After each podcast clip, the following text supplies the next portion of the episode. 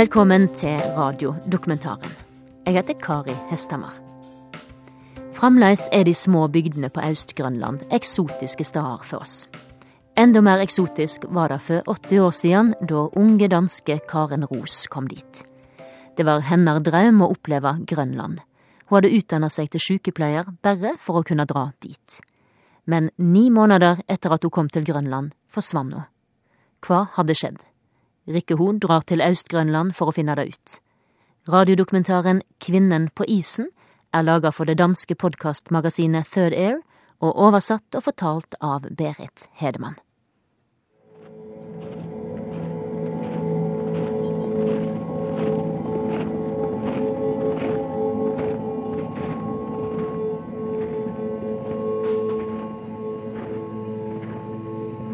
Det er her historien starter og slutter. På isen. En ung kvinne som går. Det er nesten fullmåne. En aprilnatt i 1933 på Grønlands østkyst. Kvinnen er på vei ut mot fjordmunningen. Hun har en skistav i den ene hånden Fotsporene hennes i nysnøen slynger seg utover. Og så stopper fotsporene ved iskanten. Skistaben ligger på isen. Kvinnen er borte.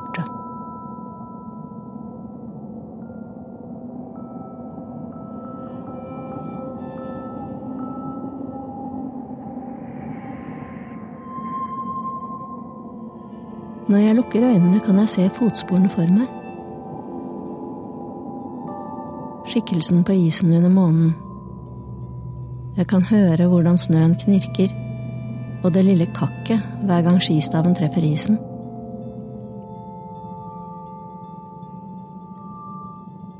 Når jeg lukker øynene, forestiller jeg meg at det er jeg som går, men jeg vet ikke hvem jeg er, og hvorfor jeg går. Til høyre for meg ser jeg Sjømannsfjellet. Til venstre troner fjellet Polheim med sine sylspisse tinder. Det er kaldt, men jeg fryser ikke. Jeg følger fotsporene.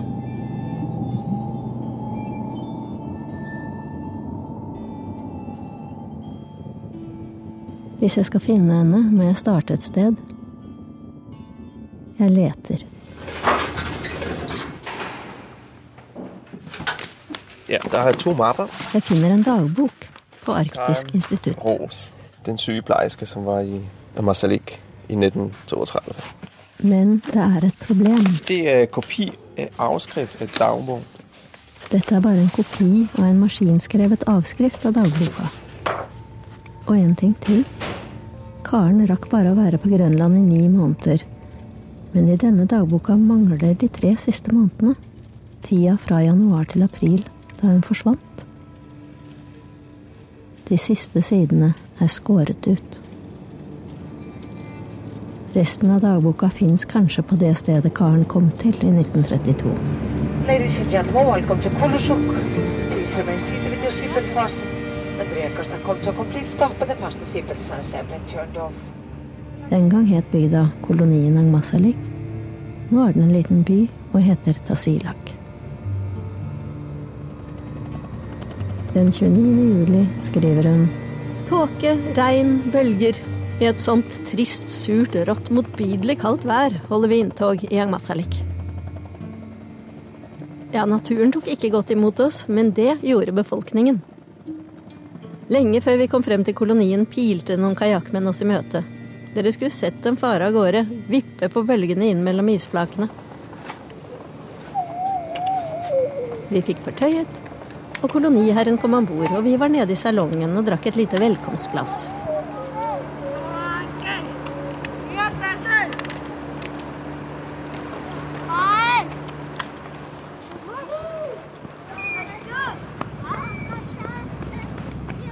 Det er så vakkert. Veien, det ser ut som den fortsetter rett ut i vannet. Fjellene speiler seg i isflakene, så det blir som et slags puslespillspeilbilde.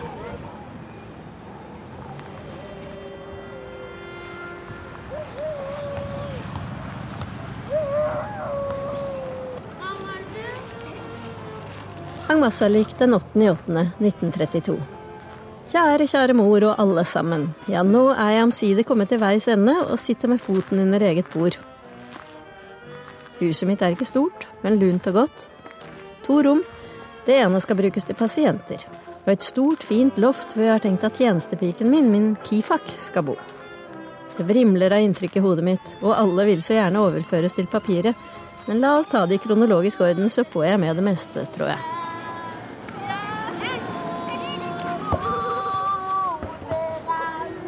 Det er juni. Det er snø på fjellene. Det er isfjell, solskinn. Røde, gule, grønne og blå hus ligger spredt oppover bakkene og knausene. Kommunekontoret, skolen, supermarkedet, værstasjonen høyt oppe i bakken. Det ligger fortsatt litt snø her og der. En håndfull barn på knausene. To damer sitter og hviler med bæreposer foran seg i sola. Et helikopter som flyr inn og ut av bygda. Det er fortsatt ingen veier. Det er hundeslede som gjelder på land. Årets første båt kommer fortsatt først omtrent i juli, når storisen åpner seg. Sånn var det da karen kom, og sånn er det nå.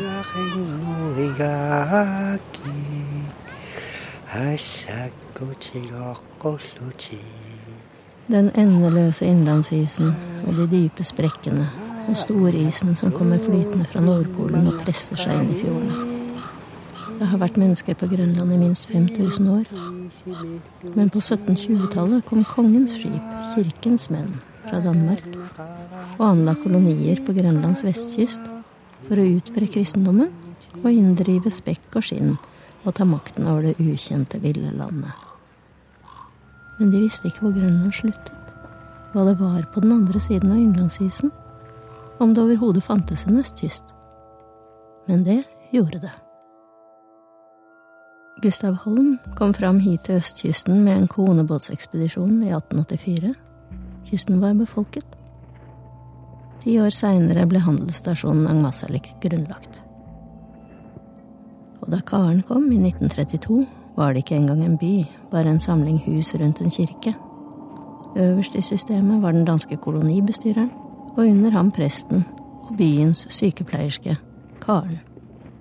Karen som er 25 år og nyutdannet, spaserer altså rett inn på toppen av det lille samfunnet. 14.8.1932. Jeg har besteget det høye sjømannsfjellet. Det tar halvannen time å komme opp på toppen, og puh, hvor slitsomt det var. Men jeg fikk mangedobbelt lønn for strevet da jeg kom opp, hvor det var en enorm utsikt. Havet langt vekk i det uendelige.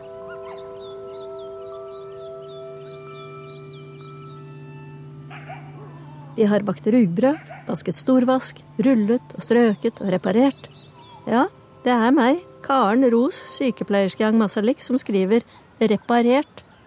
Verden har nok mistet en stor husmor i meg. Kan jo ikke anbefale meg til en mann i Danmark. Men det må ikke ta for lang tid, for da blir jeg for gammel. På båten opp hit syntes de i hvert fall at det var synd og skam at jeg skulle gå og kaste bort min ungdom og skjønnhet. Her oppe. I stedet for å være hjemme og vente på en mann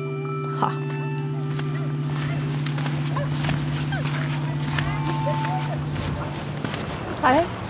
Har du hørt om den sygeplejerske, der var her i 30'erne, der hed Karen Ros? Ja. Isen og hun blev omkommet, så var hun gode, og det kunne se det ene spor.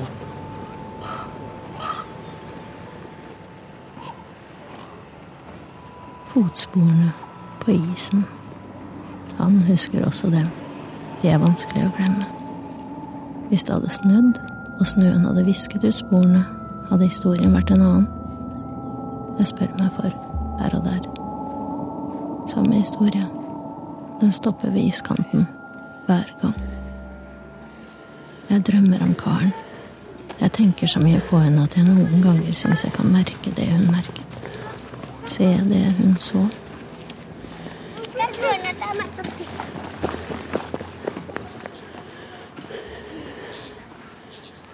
har jo ennå ikke fortalt om dem jeg bor sammen med her i kolonien. Prestens er hyggelige og morsomme, og telegrafbestyrerens er svært elskverdige. Kolonibestyreren er så snill og hjelpsom, og jeg tror nok at vi skal komme godt overens. I tillegg til at jeg i dag har tatt imot pasienter og delt ut medisin, mest hostesaft og lakris, så kom det min santen en mor med et stakkars barn som hadde sammenvokste fingre på begge hender, og hun ville ha meg til å skjære dem fra hverandre. Herregud, for en tillit. Hun gikk bedrøvet bort med uforrettet sak. 18.8.1932. Denne siden her er kjedelig, filosofisk, bare hopp over den. Ja, kjære dagbok, du må kunne ta imot litt klaging en gang iblant. Jeg har virkelig vært så lei meg i dag, følt meg ordentlig ensom. Jeg syns ikke det er noen her som jeg kan knytte meg ordentlig til. Og det er jo for så vidt også bra, for i min stilling skal man jo helst oppføre seg likt mot alle. Men altså, jeg lengter forferdelig hjem. Ikke fortell meg at da jeg var i Danmark, så sa jeg hele tiden at om jeg bare kunne få komme meg ut og gå i fjellet, så skulle jeg nok være glad og fornøyd. For det der vet jeg selv veldig godt. Ved I, hvor museet ligger henne? 19. august 1932. Lampen min er gått tom for tran, og fyllepennen min er borte. Jeg har bakt småkaker i anledning av den sørgelige begivenhet at jeg fyller 26 år på mandag. Og så har presten vært her i dag. Hurra, hurra, hurra! Og spurt meg om jeg vil reise sammen med ham rundt i distriktet. Så nå reiser jeg altså på søndag og blir borte en ukes tid og skal ligge i telt og sove på isbjørnskinn. Herlig, herlig, herlig! I går kveld så jeg en nydelig nordlys etter at jeg hadde skrevet dagbok. Mange kjærlige hilsener sendes via månen. Museet i Tasilak ser ut som en gammel kirke. Det har en flott utsikt over havna.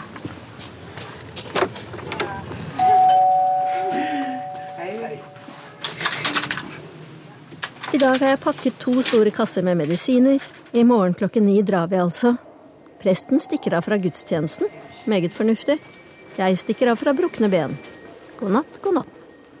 I morgen skal jeg innvie de tykke buksene mine. Mon tro om presten kommer til å løfte meg over i båten. Hurra, hurra, hurra. Do they go in the to hunt the whale? And you can see here on the right side, uh, our costume. Klokken ni om morgenen startet en meget lykkelig og forventningsfull liten jente sammen med Palase. Palase, det er presten. Vi startet etter en bedre frokost hos sistnevnte. Været stille og strålende. Fartøyet en stor robåt. Besetningen fem glade unge menn. Alt går bra mens vi seiler utover fjorden. Men u og akk og ve og hjelp, når vi kommer ut til neset blåser det og bølgene går høyt. Det er forresten vakkert der ute med mektige fjellformasjoner på tre kanter. Og vannet er fylt av iskjemper som vi ror i store buer utenom. Der boede en, øh, en sygeplejerske her, der hed Karen Ros. Ja, det er rigtigt. Har, du- har du hørt om hende? Museumsvakten Anda har en skatt som tilhørte Karen Ros på loftet. Det øh, skatten deroppe. Jeg ser en gang imellem. Skatten? Klokken tolv går vi i land på det stedet hvor Gustav Holm overvintret for mange år siden, da han var på konebåtsekspedisjon fra Julianehåp og fant Dang Masalik for første gang. Vi drar videre. Været ble enda dårligere. Luften fuktig og klam. Bølgene større. I siste øyeblikk fikk jeg byttet plass med pastor Rosing, så han fikk en kjempestor bølge over seg, som gjorde ham klissvåt på buksene. Men der skulle jo være et eller annet her Ja, det er rett. Ja, på loftet. ja, Så det burde finne seg et eller annet sted. jeg håper det. Ja.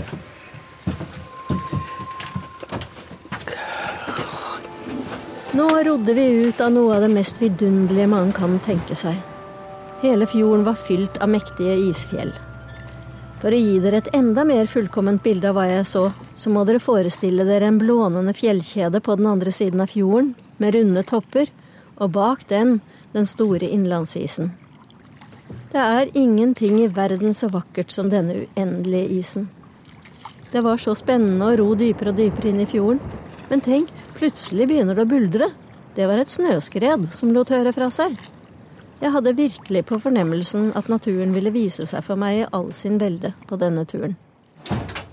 Foto 1933. Karen hun reiste med presten i konebåd ut til bygdene.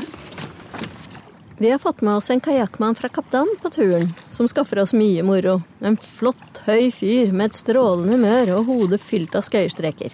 Samtidig en meget dyktig fangstmann og kajakkroer. Han danset en improvisert trommedans for oss og slo på et kakebokslokk med en kniv.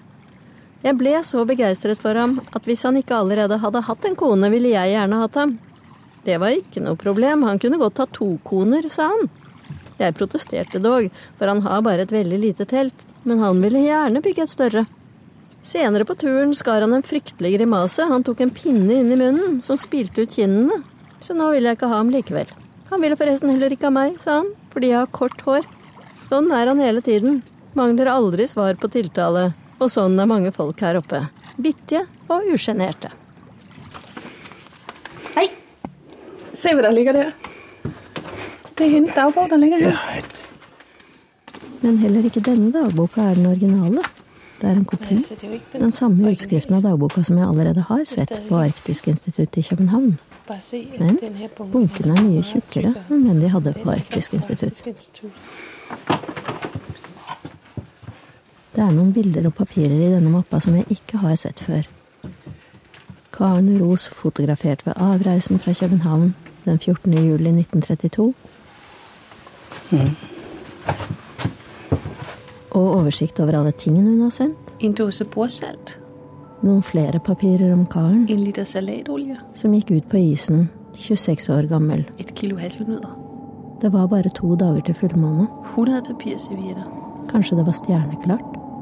To kilo rosiner. Og to doser gråpærer. Sjømannsfjellet og Polheim. Hun går der midt i alt det hvite. Jeg kan se henne tydeligere nå.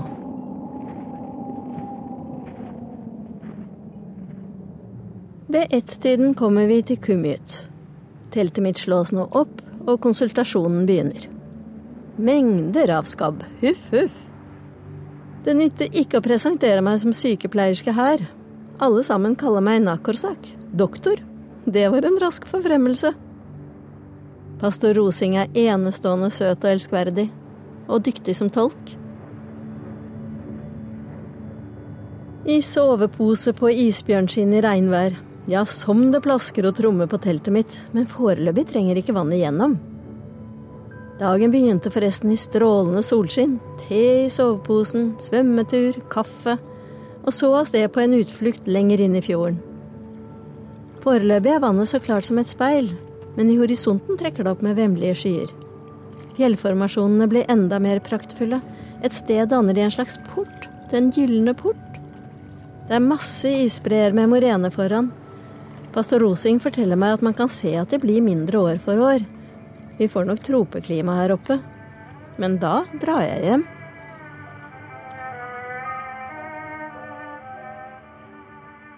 Huff, nå er det trukket opp for alvor, og vi må skynde oss hjemover. Grammofonmusikk, gode plater, Schubert, Mozart og annet godt, kokt laks, undervisning i grønlandsk, kaffe. Jeg ble rådet til ikke å sove i teltet av regnet, men jeg vil, og nå er jeg blitt fulgt hit. Hils fra meg der hjemme. God natt, god natt. Oh, så står det noe her. Rapport angående sykepleierske Rapport angående sykepleierske frøken Ros død 8. april 1933. 28 morgen kom Klokken 08.20 morgen kom piken Sigrid fra sykehuset og fortalte at frøken Ros ikke var til stede og ikke hadde vært i seng om natten. og fortalte på forespørsel at frøken hadde vært hos pastor Rosing om aftenen for å få undervisning i grønlandsk. Pastor Rosing sier at frøken Ros gikk derfra i ellevetiden, og at frøken var i godt humør som sedvanlig. Frøken har etter hjemkomst stilt sine bøker i bislagsvinduet, tatt sin skistav, for alene og uten å meddele det til noen, å gå en tur på isen. Klokken ca. halv åtte ble ettersøkningen iverksatt over hele fjorden samt på land, og klokken kvart på ti kom folkene som hadde vært ute på fjorden, tilbake med frøken Ros skistav. Sterk strøm hindrer videre ettersøkning. Frøken Ros er ofte blitt advart mot å gå så lange natteturer, da hun selv i dag hadde vanskelig for å orientere seg. G. Rassov til Grenlands styrelse. dag havde svært ved at orientere sig. G. Rassov til Grønlands styrelse.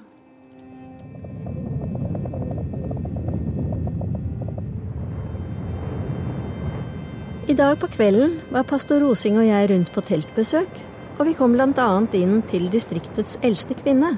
Hun ble så rørt av å se meg at jeg måtte lyse med lommelykten på ansiktet mitt, og hun syntes jeg var så søt. Jeg var inne med litt medisin til henne, og litt sukker som hun kunne spise sammen med den. Hun kommer ikke over hvor vakker jeg er. Palase, presten, må virkelig passe godt på meg. Men jeg da, sier presten, er ikke jeg også pen? Han er jo kjempepen. Hvis han ikke hadde vært gift, og jeg ikke hadde vært så forherdet når det gjelder den slags, kunne jeg blitt veldig forelsket i ham, selv om han er prest. Men som sagt, det regner og stormer. Utenfor teltet mitt er det gravd en grøft, og nå fosser en elv gjennom den. Jeg er spent på om teltet blir stående natten gjennom.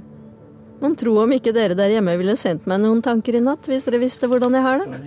Et telegram fra Angmasalik. 8. april 1933. Frøken er gått over fjorden. På tilbaketuren falt gjennom isen og forulykket. Stopp.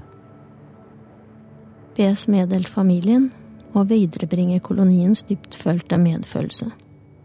Stopp. Så har familien fått den der. Ja. ja. Mm -hmm.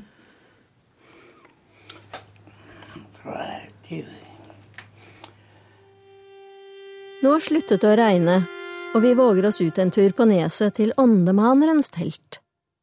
Et stykke fra åpningen henges det opp to skinn, og trommene plasseres også der, og nå slukkes spekklampene så det er ganske mørkt her inne. Åndemaneren setter seg på gulvet, og folk begynner å rope til ham. Jeg forsto ikke alt som foregikk, men først var det meningen at han forlot sitt legeme for å gi plass til åndene. Og nå kom etter hvert alle disse vesenene med et utall forskjellige stemmer. En av åndene hadde vanskelig for å komme frem, det var noe fremmed der inne som hindret den. Det var også en som helbredet forskjellige her inne. Åndene hostet, det er et skrekkelig sted å komme til, man blir smittet med en gang. Pastor Rosing var innhyllet i røk, han røker mye, og derfor hadde han mistet en av sine sjeler, men den fikk han tilbake nå. Jeg hadde også mistet en liten sjel i morges, da jeg gikk barføtt over elven. Jeg syntes nok at jeg hadde følt meg så tom. Plutselig sa han at en av åndene var bakerst i teltet, og kvinnene som satt bak oss hylte av forferdelse, og Palase, presten, ble så forskrekket at han skvatt til siden og skremte meg også. også øh. Museumsvakten har lest en grønlandsk bok for mange år siden om Karen Ros, at hun drikker noe av en flaske, at de fant en liten flaske. Så var så fundet en lille flaske, jeg tror det var i morfin. Han tror det var morfin i den. De sa det var morfin. Et tomt morfinglass på isen. Det er første gang jeg hører om det.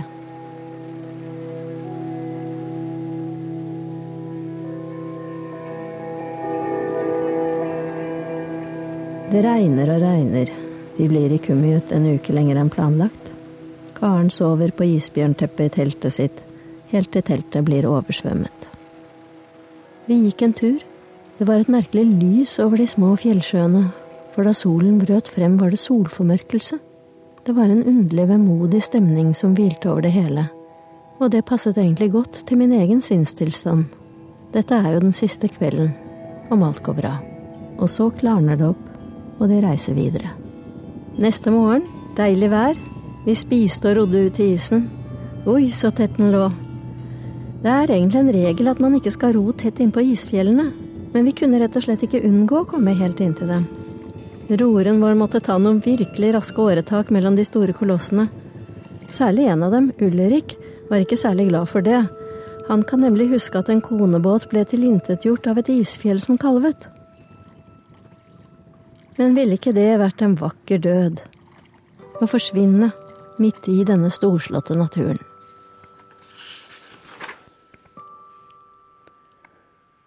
Når jeg leser dagboka hennes, får jeg en følelse av at dette var et av de lykkeligste øyeblikkene i hennes liv.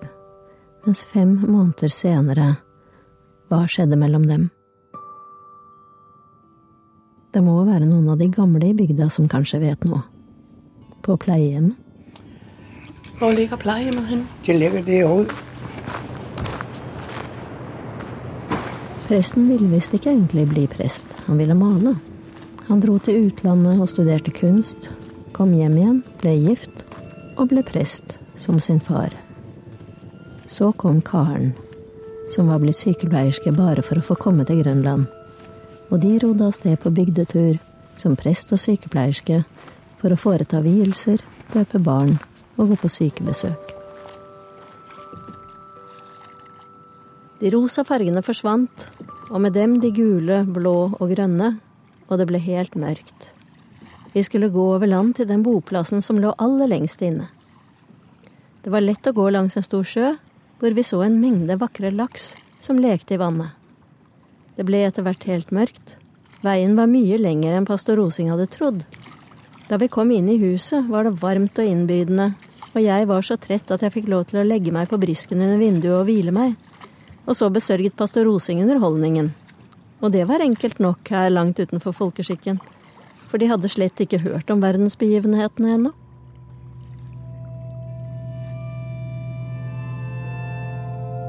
Jeg tror nok at jeg sovnet litt, men våknet heldigvis opp igjen, og jeg lå og betraktet familieidyllen. Hver lille familie har sin egen bås på den lange brisken langs veggen. Konene gikk først og la putene til rette, og så la de seg selv. Så kom mennene, Barna sov for lengst. Pastor Rosing kom og la seg ved siden av meg. Besetningen sov på gulvet. Etter hvert slukker spekklampene, ennå blafrer en liten flamme, og alle sover trygt. Unntatt oss.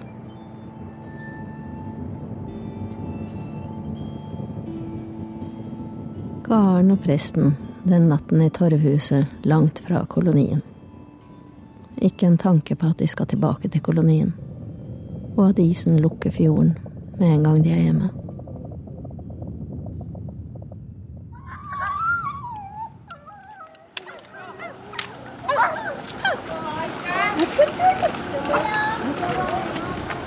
Er det det her, der er plejehjemmet? Er det noen på pleiehjemmet som har hørt om en sykepleierske som het Karen Ros?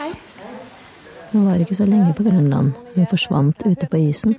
Karen Ros. Nå, ja, ja, ja. ja. Naringasi, tantu samanikuusi, tänne syyflaske, emme nonni tamani. Eh, puaniina, puani, qirnaqtaarutmaaya taannan. Tumi, toqosumawa? Puaniinga immuqutaai, lattiitigeidaani. Hun døde rett der borte. Nakartini. Nakartimara nippa itinagannasi. Soortigia? Naarturutimaayaamin. Ah, kararimi? Ee. Ah, ja. Unimerkelig unnkravet sukker, sukkernappen på balla. Men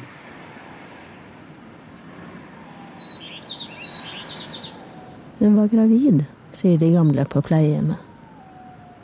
Det sto et glass morfin på isen der hvor fotsporene hennes endte, sier museumsvakten. En kveldstur på isen, en ulykke, telegraferte kolonibestyreren hjem til familien i Danmark. Sånn lød den offisielle forklaringen. det ser ikke for godt ut derovre. over det er for meg is. Ja.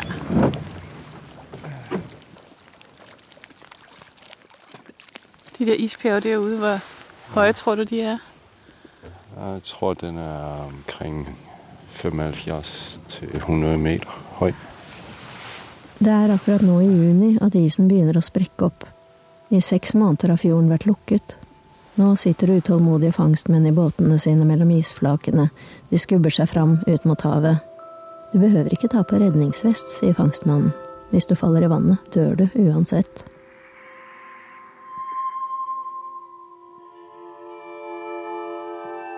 Den 17. september hadde fru pastor Rosing fødselsdag. Og her mangler det fem linjer, som er revet ut av dagboka.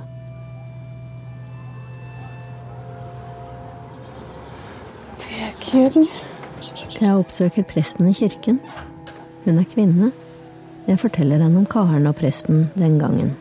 Det er en lille av meg, et lille samfunn. Og alle kjenner jo det er et veldig lite samfunn, dette her. Og alle kjenner jo alle. Og det er vanskelig, for man skal omgås hver dag. Og jeg har selv hatt store problemer, så jeg kan også følge denne kvinnen. Jeg har også selv vært inne i selve problemerne. Så jeg, jeg kan også følge henne, kvinnen. Med, jeg har også selv gått til vannet en gang. Jeg har selv gått til vannet en gang. Og det var også på grunn av kjærligheten. Og det er også på grunn av kjærligheten. Det er som om jeg kan kjenne Det er som om hvordan hun må ha hatt det. hvordan hun må ha hatt det. Så gikk jeg. Jeg, jeg gikk bare. Jeg kom til vannkanten Jeg nådde vann, og det var jo iskaldt. og gikk ut i vannet. Og det var jo iskaldt. Og det er som om man får sånn noen eh, prikker eh, i kroppen. Det blir stukket.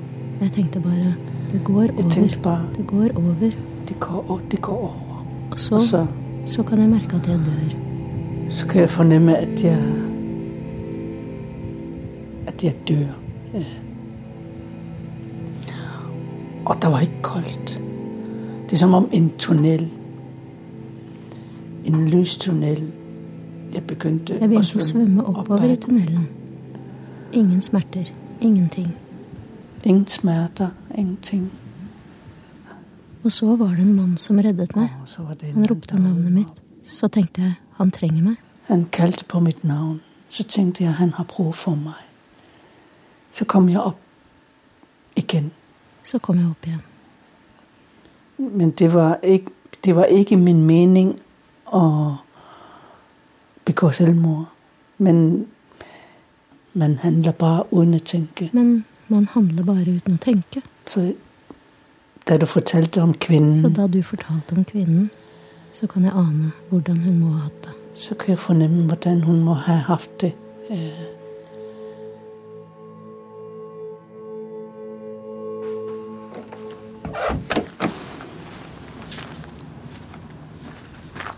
Men hva var det for en koloni å komme tilbake til? Tre små barn, alle under ett år, er døde av lungebetennelse. Og hver gang jeg kom til et hus, meldte de fram et nytt tilfelle.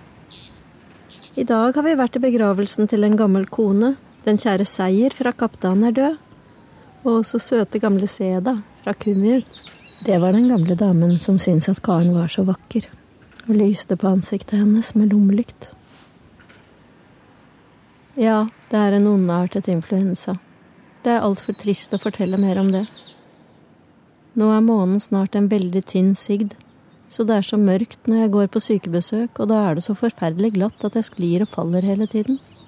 Jeg har forbudt dem å bli syke før de må overskinne igjen. Det er noen få mennesker som kanskje vet noe mer. De bor i Kumjut, nettopp på det stedet der Karen og presten dro på bygdetur. Den eldste mannen på østkysten, som heter Hans, bor der, og en som heter Zalo. Det går helikopter en gang i uka, og jeg kan få være med i morgen. Jeg har åpnet opp for en historie i bygda. Nå er det mange som går og grubler på historien om karen, og de er spente på hvordan slutten er, hvordan historien ender. Det ser det ud til å bli en fin tur. Vi har måske litt vind, når vi kommer opp, men øh, det finner vi.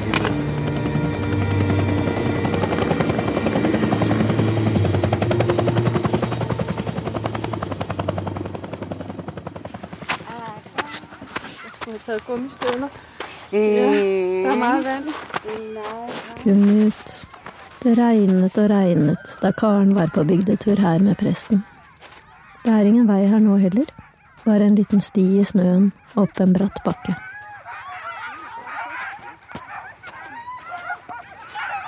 De måtte vente i minst en uke på at været skulle klarne opp, så de kunne reise videre. De utførte pliktene sine. Så gikk dagene. De besøkte åndemaneren. De hadde lange samtaler om kunst. De gikk turer. Man kan gå over her. Oi. Hans.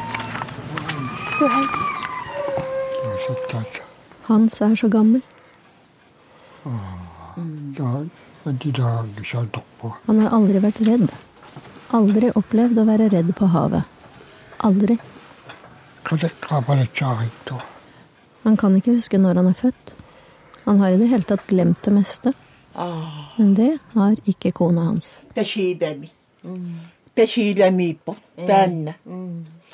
Inget. Spesielami. Karen gikk ut i fjordmunningen fordi hun ikke ville at presten skulle bli avskjediget. Hvis hun hadde født barnet, ville han ha mistet stillingen sin. Det var for å redde presten at hun gjorde det. Men var de forelsket?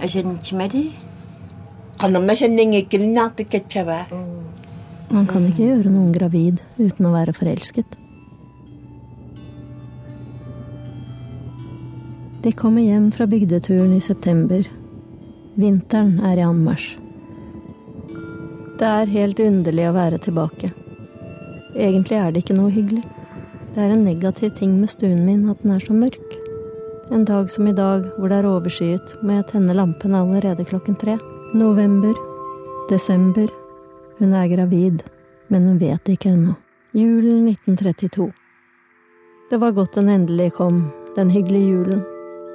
For det hadde etter hvert begynt å bli nokså mørkt og trykkende i kolonien.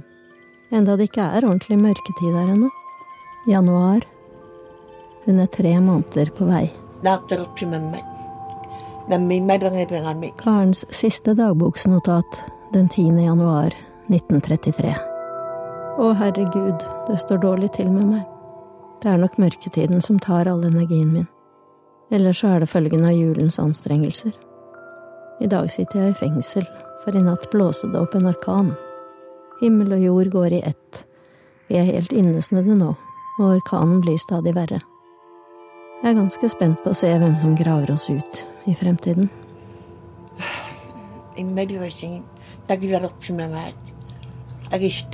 Kanskje hadde hun lyst til å leve videre, men hun kunne ikke gjøre noe annet.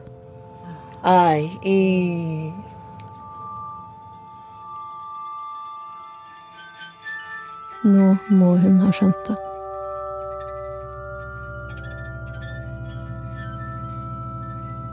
Etter dette er sidene skåret ut. Den siste tredjedelen av dagboka mangler. Det må ha vært akkurat på denne tida at Karen har innsett at hun er gravid. Hun har sikkert skrevet om det i dagboka si.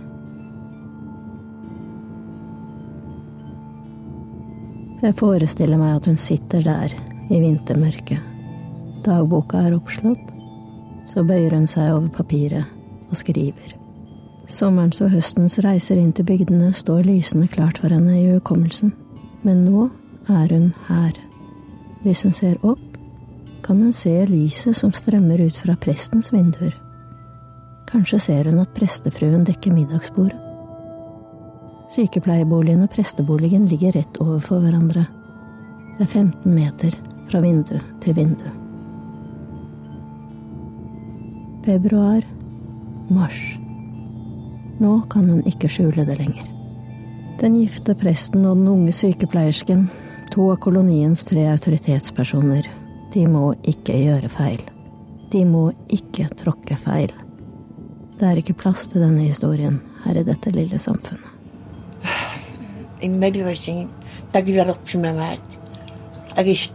Og etter den tid så har man begynt å se en skikkelse i vannet i hvitt tøy, der hvor hun falt i vannet. Og de kunne se den, men ikke røre ved den, fordi den var så langt borte. De kunne se den, men ikke røre ved det, fordi den, den var så langt vekk. Isen har for lengst lagt seg. Det er ingen steder å gjemme seg. Det kommer ikke båter hit igjen før i juli.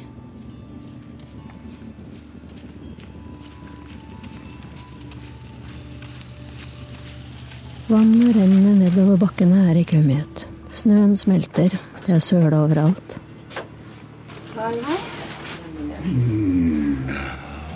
Nå sitter vi her på kommunekontoret. Et lite trehus nede ved havna. Karen Rouge. Zalo er 50. Karen Rouge. Hvordan skulle han kunne huske noe om Karen som forsvant for over 80 år siden? Arting rakk ikke til tusenmørk. Uh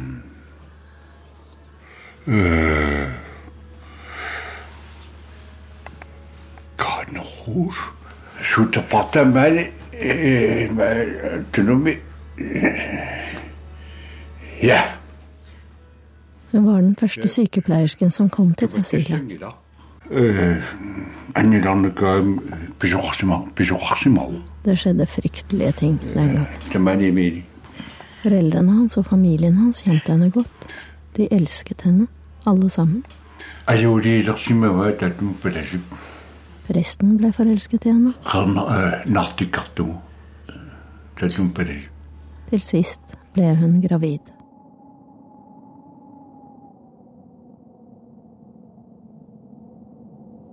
Jeg har hørt en historie. Karen på den hvite isen under månen.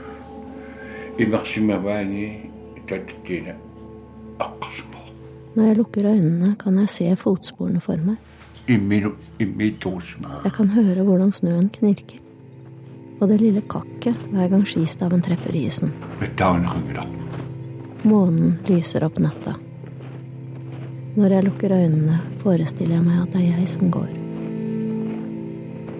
Nå tror jeg at jeg vet hvorfor jeg går. De fant bare dette lille hullet i isen og et lite glass ved siden av. De elsket henne alle sammen, fordi det var sjeldent at en danske var begeistret for grønlendere den gangen. Alle østgrønlenderne sørget veldig den gangen. Jeg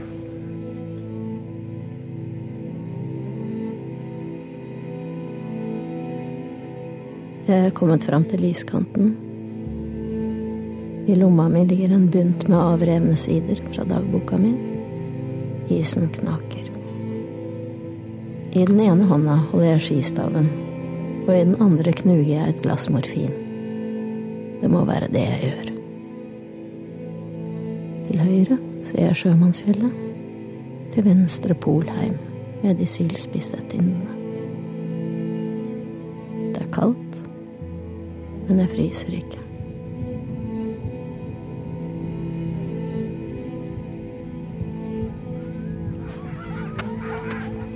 Det er mange, der her Karen her i byen. Det er mange som heter Karen her i bygda. De, de er visst også døde, de der her Karen. Men de som het Karen, er døde. Men så er det noen av barnebarna deres som heter Karen. Det er mange som heter Karen. Det er nok etter henne. Det er mange, der her Karen. Nok efter hende.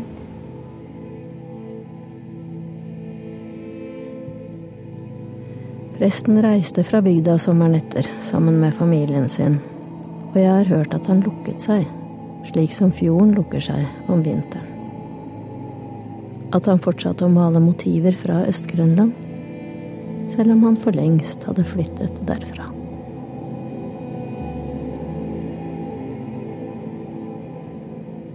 Gi dere kunne se disse storslåtte, vakre omgivelsene.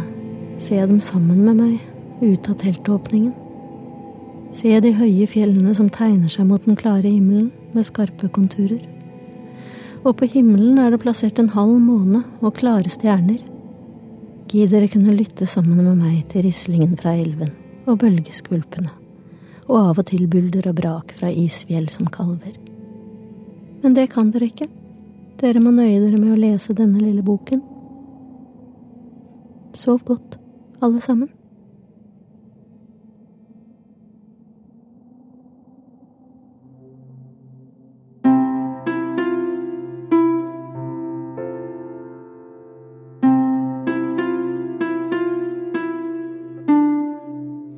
Kvinnen på isen var skrevet og produsert av Rikke Hod for det danske podkastmagasinet Third Air. Historia var oversatt og fortalt av Berit Hedemann. Konsulenter var Tim Hinman og Christer Moltsen, og teknisk regi var ved Tim Hinman. Teknisk regi for den norske versjoneringa var Wenche Ødegård. Jon Bing og Tor Åge Bringsvær møttes hver tirsdag i nesten 50 år for å skrive, og for å leke sammen. 2014 skulle bli året da de gav ut sin første roman. Men det ble òg året da tirsdagsmøta tok slutt. Er jo, altså Folk er jo ikke ordentlig døde før vi har sluttet å tenke på dem. Det er først da de er borte, når vi har, når vi ikke tenker på dem eller har dem med oss. Og jeg kommer til å ha Jon med meg bestandig, tror jeg. Det tror jeg. Så på en måte så vil Bing og Bringsvær være et spøkelse som, som jeg lever sammen med. Hør radiodokumentaren 'Minner om fremtida', et portrett av Bing og Bringsvær, lørdag klokka ti om ei uke her på NRK P2.